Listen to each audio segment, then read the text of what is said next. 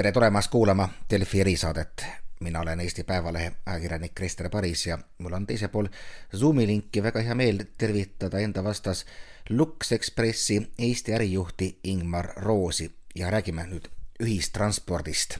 nimelt oleme teada saanud, et on antud ühistranspordikeskustele siis Transpordiameti poolt korraldus kärpida järgmisel aastal liinikilomeetreid kahe protsendi võrra ning äh, see tekitab üldse küsimusi transpordi suutlikkusest. no näiteks Viljandi Omavalitsuste Liidu Vanematekogu on öelnud, et valitsus peakski tunnistama, et selline tasuta ühistransport käib riigile üle jõu. no mis tundega teie seda vaatate, teie, teie kui kommertsvedaja peaksite ilmselt rõõmustama? noh, ma ei saa öelda, et nüüd rõõmustada selle üle, et, et vedusid koomale tõmmatakse ja inimestel ühendusi vähemaks jääb aga eks ta noh, mõnes mõttes niisugune haiguse sümptom on jah, mis nüüd on äh, välja löönud, et äh, pik, pikalt vindunud. et äh, õigupoolest ma ka toetan nagu seda mõtet, et avaliku liiniveo võrku tuleb aeg-ajalt üle vaadata ja seda kõige ebaefektiivsemat osa sealt maha kärpida. et siis oleks jaksu kuskile juurde panna, kus inimeste liikumisvajadus suurem on aga mis mind selle juures nagu kõige rohkem häirib ja kummastab, on see, et, et see korraldus kokku tõmmata anti ühistranspordikeskustele universaalselt, mis eeldaks nagu, et see lähtekoht on siin maakondade lõikes kuidagi niisugune väga õiglane ja täpselt mõõdetud. aga tegelikkuses ega keegi ei tea, et kas Viljandi inimesele noh, on äh, ühistransport äh, samadel alustel kättesaadav kui, äh, kui Lääne-Virumaa inimesele. ja, ja selles taustsüsteemis ongi nagu kõige lihtsam olnud siis ilmselt anda see kaks protsenti. noh, samas meid jah, see kommertsliini vedajana väga palju ei puuduta, aga siiski veidi, kuna me näeme sel nädalal lahvatanud uudis, et riik lõpuks siis märkas seda, et äh, on ka ports kaugliine, mida korraldatakse avaliku teenindamise lepingute alusel ja veelgi enam, neid korraldatakse avaliku teenindamise lepingu alusel, pakkudes äh, osadele sõitjagruppidele päris tasuta sõiduõigust, osadele siis väga soodsalt. et äh, kokkuvõttes ütleks, et see kaks protsenti oleks võinud ka niisuguse suurema trummi tagumiseta, et oleks need kõige niisugused kummalisemad kohad maha kärbitud ja olekski see kokkuhoid koos olnud nojah, seda on pannud tähele ka Riigikontroll, kes tõstis esile, kuivõrd lennukite raha külvamisega on tegemist tasuta ühistranspordi puhul. no näiteks ka meie Ärileht kirjutas siin äh, märtsis, kuidas Maanteeameti enda prognooside kohaselt läheb maakondliku bussitranspordi korraldamine järgmisel aastal maksma viiskümmend viis koma kuus miljonit eurot ja sellest omakorda tervelt poole neelab tasuta bussisõit ja sealt tuleb igasuguseid kurioosume välja, et ütleme, keskmine kulu sõitja peale on umbes kuus eurot inimese kohta, aga noh, näiteks on ka saja euroseid pileteid, kui niimoodi dotatsioon ümber arvestatuna. et kuivõrd see teie meelest kogu see nii-öelda lennukite raha külvamine siis maakondlikku bussiliiklust mõjutanud on? ma olen ka ametniku toolil istunud mitu head aastat, seitse aastat tagasi ma olin ise Maanteeametis ja ma paljude nende liinide kujunemislugu tean. ja noh, kui me näiteks võtame siin mingisuguse Pärnu-Tartu bussiliini, siis Pärnu-Tartu bussiliin, mis avaliku teenindamise lepingu alusel käigus oli, ta sõitis täiesti teist marsruuti pidi ja tema algne käivitamise mõte, ma usun, et ma mäletan seda õigesti, oli see, et siis nii-öelda Sooma serva pidi väiksematele kohtadele tagada ka Pärnu ja Viljandi vaheline ühendus kokkuvõttes selle pika liini korraldamine vähemalt toonaste kalkulatsioonide järgi oli nagu efektiivsem, kui hakata siis mingisugust Pärnumaa serva maakonnaliini korraldama. Ehm, küll aga jällegi võrdluseks üks minu niisugune lemmiknäide, et eh, Tallinn-Haapsalu kaugbussiliin kell neli õhtul, mis väljub või ka Tallinn-Pärnu liinid et nende puhul tekib tõesti nagu küsimus, et tegelikult on ju hästi toimiv kommertsturg Tallinn-Haapsalu vahel on busse nii palju, et, et kuidas ma ütlen, et neid on Tallinn-Haapsalu hooajalisust arvestades ikkagi nagu praegu ka selgelt liiga palju. kohati ma mõtlen, et, et, et poliitikud usuvadki, et sinna oleks hädasti rongi vaja, aga noh, nende bussiliinide täituvus on ikka, ikka pagana nigel ja kõik bussifirmad talvisel hooajal rabelevad selles osas, et, et ots otsaga kokku tulla ja siis kell neli pealelõunal sõidetakse ühte bussiliini järsku avaliku teenindamise lepingu alusel niimoodi, et üle kuuekümne kolme aastased ja alla üheksateist aastased sõidavad tasuta. selge on see, et see pärsib, pärsib muidu kommertsalustel normaalselt toimiva turu toimimist. selle pärssimise ilming on kasvõi see, et Lux Express võttis Tallinna-Haapsalu pealt selle kella neljase väljumisega nelikümmend viis minutit varasema väljumise täna nagu viiele päeval nädalas maha. et ja noh, me ei võtnud seda, et, et juba nagu niimoodi teatraalselt näidata, et, et see pärsib turgu, vaid noh, numbrid seda näitavad ikkagi kokkuvõttes. ma tegelikult juba, kui see kui tasuta ühistransport tulemas oli ja, ja juba toona tekitas kommertsvedajatele küsimust, et oot-oot, et räägitakse avaliku liiniveol null eurosest piletihinnast, et mis nendest kaugliinidest saab. ma tegelikult toona ka, toonasele ministrile kirjutasin kirja ja ma seda kaugliinide teemat võrdlesin selle niisugusesse mererannal kuiva liiva sisse augu kaevamisega, et, et üritad kaevata küll hästi sirgete servadega auku aga kui see liiv on kuiv, siis külgedelt pudeneb ja just seda külgedelt pudenemist praegult see ongi nagu näha.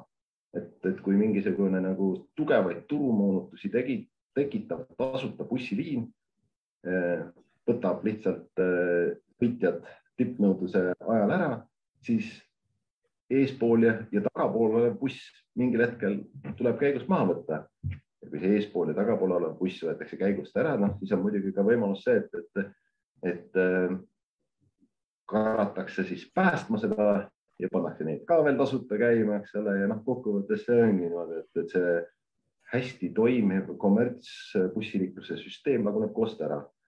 sellepärast need üksikud juhtumid, et tõesti, ega seda kaugbussiliiklust nüüd niimoodi tasuta ja avalikus korras väga palju ei ole, aga siin-seal Tallinn-Pärnu peal üks liin, Tallinn-Haapsalu peal teine liin Äh, Tartu-Pärnu, et äh, nad tekitavad ikkagi äh, turumoonutusi, mille tõttu ei saa tavalistel turutingimustel normaalselt toimiv bussiliiklus areneda sellises kiiruses, nagu ta võiks seda teha no meil juba oli siin korraks juttu sellest, et, et ei tea, kas riik teab üldse, kuhu inimesed sõita tahavad.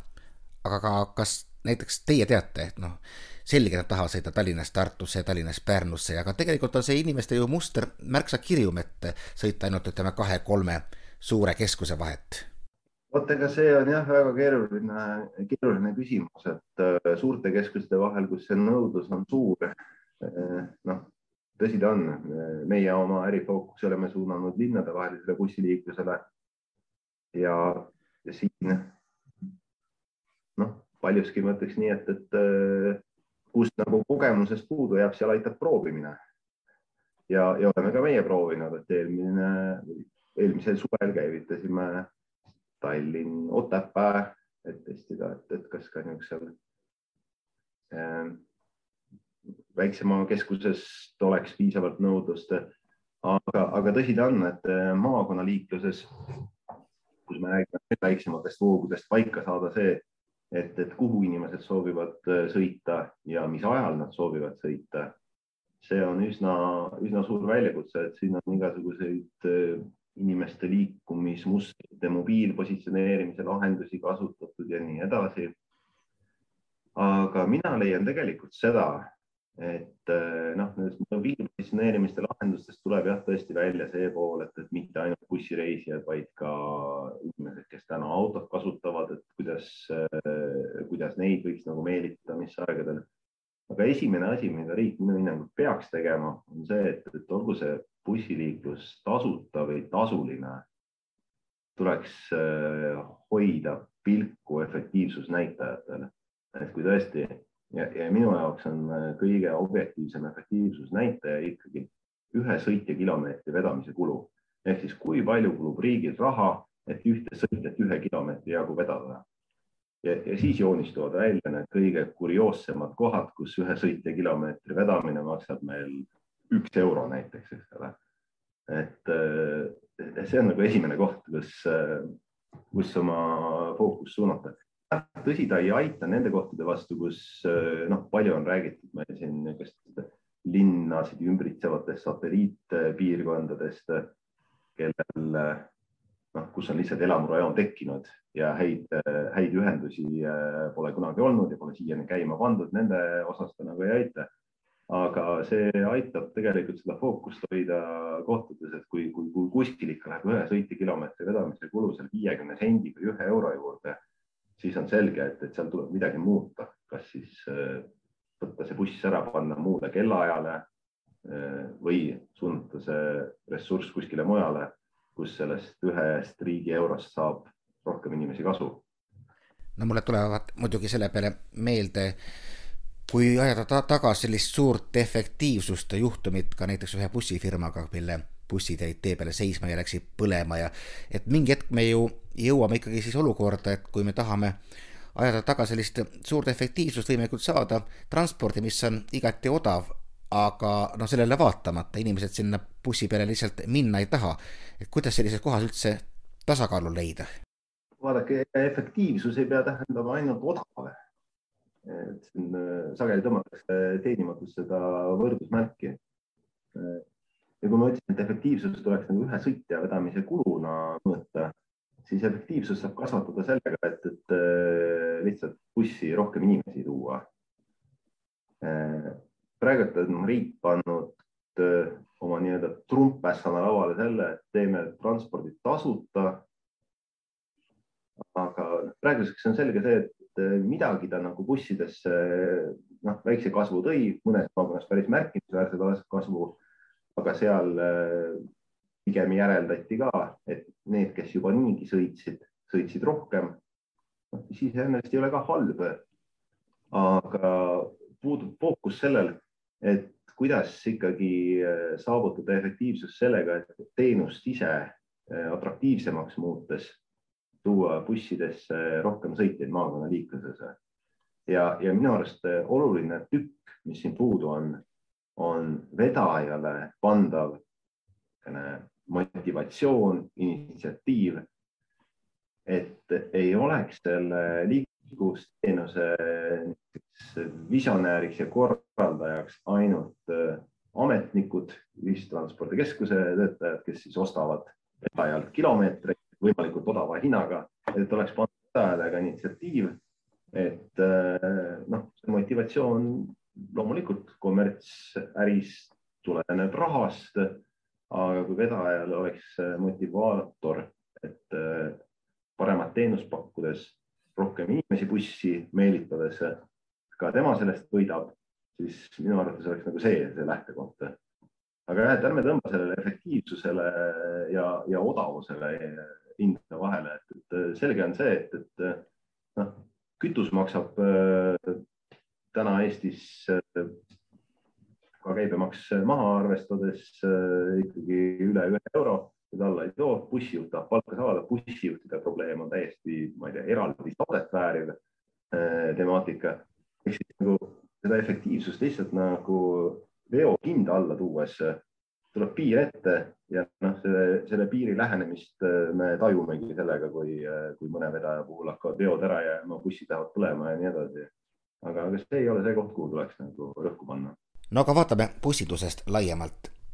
Lisaks äh, sellistele siis tasuta vedudele, kui no võib isegi öelda, et konkureerivad teiega ka, ka rongiliinid, mida riik samuti doteerib ja mis on noh, mõneti ka mõistetav puhtalt juba sellepärast, et raudtee on üsnagi keskkonnasäästlik liikumisviis.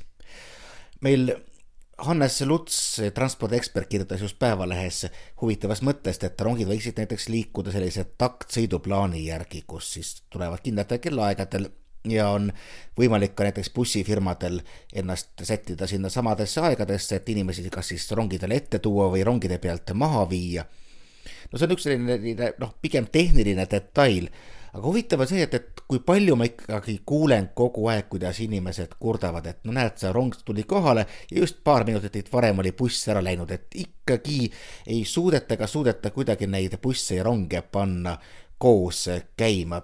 miks see teie arvates niimoodi on? ma Lux Expressi äh, osas ei oska nüüd väga tugevasti siin kaasa rääkida, välja arvata seda, et ma kõigepealt kinnitan, et jah, meie käsitleme rongi tõesti äh, konkurendina ja, ja meile teadaolevalt Elron käsitleb Lux Expressi ka konkurendina. selge on, et me pretendeerime, pretendeerime äh, oma põhiliinidel samadele, samadele reisijatele. Aga eks siin on mitmed põhjused, miks neid ei ole õnnestunud nagu äh, ühildada Eesti raudvõrgu niisugune pikaajaline probleem on see, et, et kogu aeg on vaja teda, teda remontida ja nendest remontidest põhjustatud äh, graafikumuudatused äh, reisirongiliikluses on kindlasti üks põhjus, miks, äh, miks neid busse ei ole suudetud rongidega sünkrooni ajada. Mõnes mõttes võib-olla isegi nii, et need muudatused toimuvad nii sageli, et, et siin-seal nagu enam ei üritatagi seda teha Äh, aga, aga ma ütleks nii, et, et äh, ma ei oska siin nagu äh, niisugust lõplikku diagnoosi panna, küll aga kahe käega poolt, et maakonnaliiklus peaks rongidega olema sünkroniseeritud ja ka linnadevahelise kaugbussiliiklusega. Et siin me ise aeg-ajalt puutume kokku, kus on olnud siin olukordasid, kus Võru maakonnaliinid on mõni minut varem väljunud kui meie saabumised, mis ausalt öeldes meie sõidugraafikud on olnud siin äh, Võru liinidel ikkagi aastaid paigas. et, et äh, seda niisugust inimese liikuvusteenuse terviklahenduse vaadet oleks kindlasti Eesti ühistranspordi korraldamisse juurde vaja eks sünkroniseerida saab ju märksa enam, et näiteks Elroni juht Lauri Petlem ütles meil Päevalehele, et tema näeks hea meelega, et näiteks seataks sisse selline ühtne piletisüsteem nii bussidele kui trollidele kui rongidele, et mis te arvate, on kuidagi võimalik, et sellise konkurentsi asendaks pigem koostöö riigi, riigi poolt doteeritud ja puhtalt siis kommertsvedajate vahel? ja absoluutselt ja noh, esimene koht, kus seda kindlasti oleks vaja, on see, kus kasutus on samast tsoonis, et sellest noh, ühest piletist on hästi pikalt nagu juttu olnud. aga jällegi ma noh, jätaks, et seda ei saa nagu ka võtta selliseks mantraks, mis siis nagu, et kui tasuta ühistransport äh, hiilgavaid tulemusi ei toonud, et siis äh, üks pilet äh, neid tulemusi toob. kindlasti tuleks esimeses järjekorras ära teha see üks pilet siis noh, kõikide transpordiliikide vahel, kus kus äh, riik toetust maksab. et rong ja, ja seda ümbritsev maakonnaliiklus võiks kindlasti ühe pileti all olla. miks ma kommertsliikluse osas nagu natuke skeptiline olen, on see, et eks niisugune üks pilet sunnib, sunnib siis äh, osapooli ka ühesugustesse hinnastamismudelitesse, mis ühtlasi tähendab, et kui sa oled ühte hinnastamismudelisse selles programmis osalemises nagu sunnitud, siis äh, võimalust innovaatiline olla äh, jääb vähemaks. et äh, jällegi kommertsvedajana ma tegelikult nagu üheksa korda mõõtmata ei tahaks ära anda õigust ise otsustada, kui soodustust teeb Lux Express kahekümne kuue aastasele, täna me teeme seda kakskümmend kuus protsenti või, või milliseid muid piletitooteid me pakume, näiteks edasi-tagasi piletid äh, ühe otsa hinnaga ja nii edasi. et äh, avaliku liinivee poole pealt tuleks alustada see, miks mitte või nagu isegi mitte miks mitte, vaid miks ometi juba mitte ei ole ühtset piletit Harjumaa, Tallinna ja Elroni rongi vahel, et sellest on nii kaua juttu ju olnud. teate, teie see eelmine näide meenutas suisa ühte hoopis teist valdkonda ehk siis hambaarste, kus ka, et need, kes tahavad Haigekassaga teha lõpi, lepingut, peavad olema siis ka kindla hinnastamismudeliga, mis tähendab, tähendabki seda, et päris paljud on sellest lepingust loobunud ja olemas, et päris paljud inimesed tänu sellele ka üldse hambaravi hüvitist kasutada ei saa. no aga see natukene ka üldse täiesti teine teema. ma tahtsin nagu lõppu veel küsida, et kas on mingisugust lahendust sellisele nähtusele, mis on võib-olla isegi Eestis natukene rohkem levinud kui mõnes muus riigis, ehk siis selline äärmuslik tsüklilisus. eks me kõik oleme näinud neid pilte Eldroni rongidest, mis on puupüsti täis, kus inimesed noh, põhimõtteliselt nagu kilud siis purgis ja noh, bussides seda muret vist ei ole nii palju, et seal müüakse nii palju kohti, kus on, aga ega neid kohti siis ka ju nii palju ei ole. ehk siis reedel ja pühapäeval on äärmuslikult täis ja muudel hetkedel tundub, et eh, nagu siis bussis ulub peale sinu veel tuul. no seda, et, eh, et sõidundus on eh, nädala lõikes äärmiselt kõikuv, sellele niisugust ühtset rohtu ei ole. Aga seda, eks me võtame päris sageli sõna see reisirongi liikluse poole pealt. Ja noh, kasutan ka siin võimalust, et eh, pungil täis rongide, mis reede õhtul tõesti on silmini täis, et eelmine nädalavahetus mul tuttavad saatsid pilte ja väitsid, et, et rongid on kolm korda ülerahastatud tuleks tõsiselt mõelda, et kas seda asja nüüd ravida sellega, et Eesti riik ostab omale nii palju ronge, et reede õhtul saab rongiga kõik reisijad ära vedada. mina väidan, et see ei ole mõistlik. rongiliikluses on kapitalikulu ehk siis see rongi omamise kulu nii kohutavalt kõrge, et see oleks põhimõtteliselt ostetaks ports ronge reede õhtul kahetunnise ajavahemikule vastava nõudluse teenindamiseks. ja mida rohkem sa pakud äh, teenust siis äh, väljaspool tipptundi, seda ebaefektiivsemaks äh, muutub see teenus väljaspool tipptundi ja enamasti on rongid pooltühjad. ehk siis mõnes mõttes on paratamatu see, et tippnõudluse ajal tulebki bussidega seda lisanõudlust äh, ära teenindada. vastasel juhul läheb selle transpordisüsteemi ülalpidamine riigi jaoks nii kohutavalt kalliks. ma ütlen, ma soovitan äh, uurida kasvõi Elroni kaks tuhat kaheksateist ja kaks tuhat üheksateist aasta majandusaasta aruannet, kus tegelikult joonistub välja, et peale seda, kui Tallinn-Pärnu vaheline rongiliiklus lõpetati ja selle arvelt suunati lisamahtu Tallinn-Tartu peale, siis äh, raporteeriti küll reisijate arvu kasvust, aga rongide täituvus vähenes. noh, mis on selles mõttes ka nagu loogiline, et mõnes mõttes äh, see rongide täituvuse vähenemine ju annab tunnistust siis ka sellest, et äh, seda tipptunni nõudlust võib-olla suudeti natukene paremini ära vedada. aga, aga sellega noh, peab ka arvestama seda, et, et, et rongiliiklust ilmselt ei ole võimalik korraldada selliselt, et kella nelja ja kella kuue vahel mõlemast otsast stardib neli rongi koosseisu, mis kõik reisijad ära veavad ja ülejäänud aja need rongi koosseisud seisavad, seisavad jõude no aga ega vist ju bussiliiklust ka ei ole, ega teiegi ei, ei tahaks oma busse ja bussijuhte jõude hoidata ainult selleks, et täita ära tippe? no tõsi on ka see ja, ja tegelikult äh, mis siin salata, Lux Express juhib seda nõudlust mõnevõrra ka hinnaga. et äh, võib kõlada hirmus niimoodi äh, ahnelt ja kapitalistlikult see põhimõte et tippnõudluse päevadel on pileti hind kõrgem. aga, aga see on tegelikult ka juhtimisinstrument, mis, mille kaudu me motiveerime reisijaid, kellel on kaalutluskoht, kas sõita reede õhtul või sõita neljapäeval, kasutama siis seda bussi sellel ajal, kui, kui, kui bussikohti on ladamalt käes. et ja ma, leian, et tegelikult Elron peaks sedasama tegema. et äh, see võib ühiskonnas tekitada sellist äh, kriitikat, et äh, kui inimesel on vaja reede õhtul sõita, et kuidas siis saab olla, et, et, et riigi poolt korraldatav rongiliiklus kasutab seda olukorda ära. aga, aga niimoodi tehakse igal pool maailmas.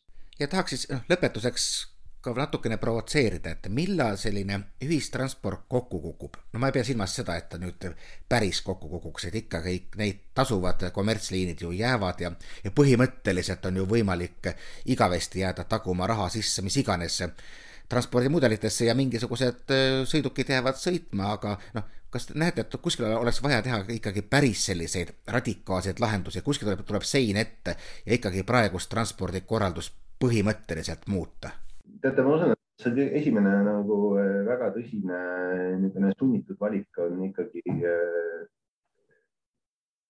avaliku liiniveo tasuta veo lõpetamise ees siin aasta-kahe jooksul kindlasti juba ees sest äh, veoteenuse kulukomponendid bussiveos on nii kiiret kasvu näitamas. kaks põhikomponenti, kütuse hind ja sellest veelgi olulisem bussijuhtide palgakulu lihtsalt äh, sunnivad meid selleks. riik ei suuda seda süsteemi ülal pidada. Äh, ja seda, et, et kommertsliiklus äh, nüüd kokku kukuks, seda ma ei, ei usu, et äh, ja noh, nii pikka vaadet, et siin rääkida mingist äh, hetkest, kui isejuhtivad elektriautod on, on maailma vallutanud, seda ma ka ei tihka teha. aga ma pean väga oluliseks seda, et, et raudteeliikluse arendamisel oleks äh, pilk sellel, et äh, mis see meile kahekümne aasta perspektiivis selle raudtee infrastruktuuri ja raudteeveeremi opereerimine nendes mahtudes, nagu praegult unistatakse, mis see meile maksma läheb. ja ma tõesti nagu noh, kõiki osapooli, kes selles osas äh, mingit otsustusõigust omavad, kutsun üles, et, et äh, riik peaks äh, need avaliku raha eest käigus hoitava ühistranspordi efektiivsusele oma pilgu pöörama. raudtee unistab äh, noh, oma aegplaanides reisijate arvu suurendamisest kuueteistkümne miljoni reisijani. kuusteist miljonit reisijat loomulikult on võimalik raudteele meelitada, aga millise efektiivsusega see on küsimus. no vaatame, mis toob tulevik. suur aitäh, Lux Expressi Eesti ärijuht Ingmar Roos. Mina olen Eesti Päevalehe ajakirjanik Krister Paris ja jälle kuulmiseni uutes erisaadetes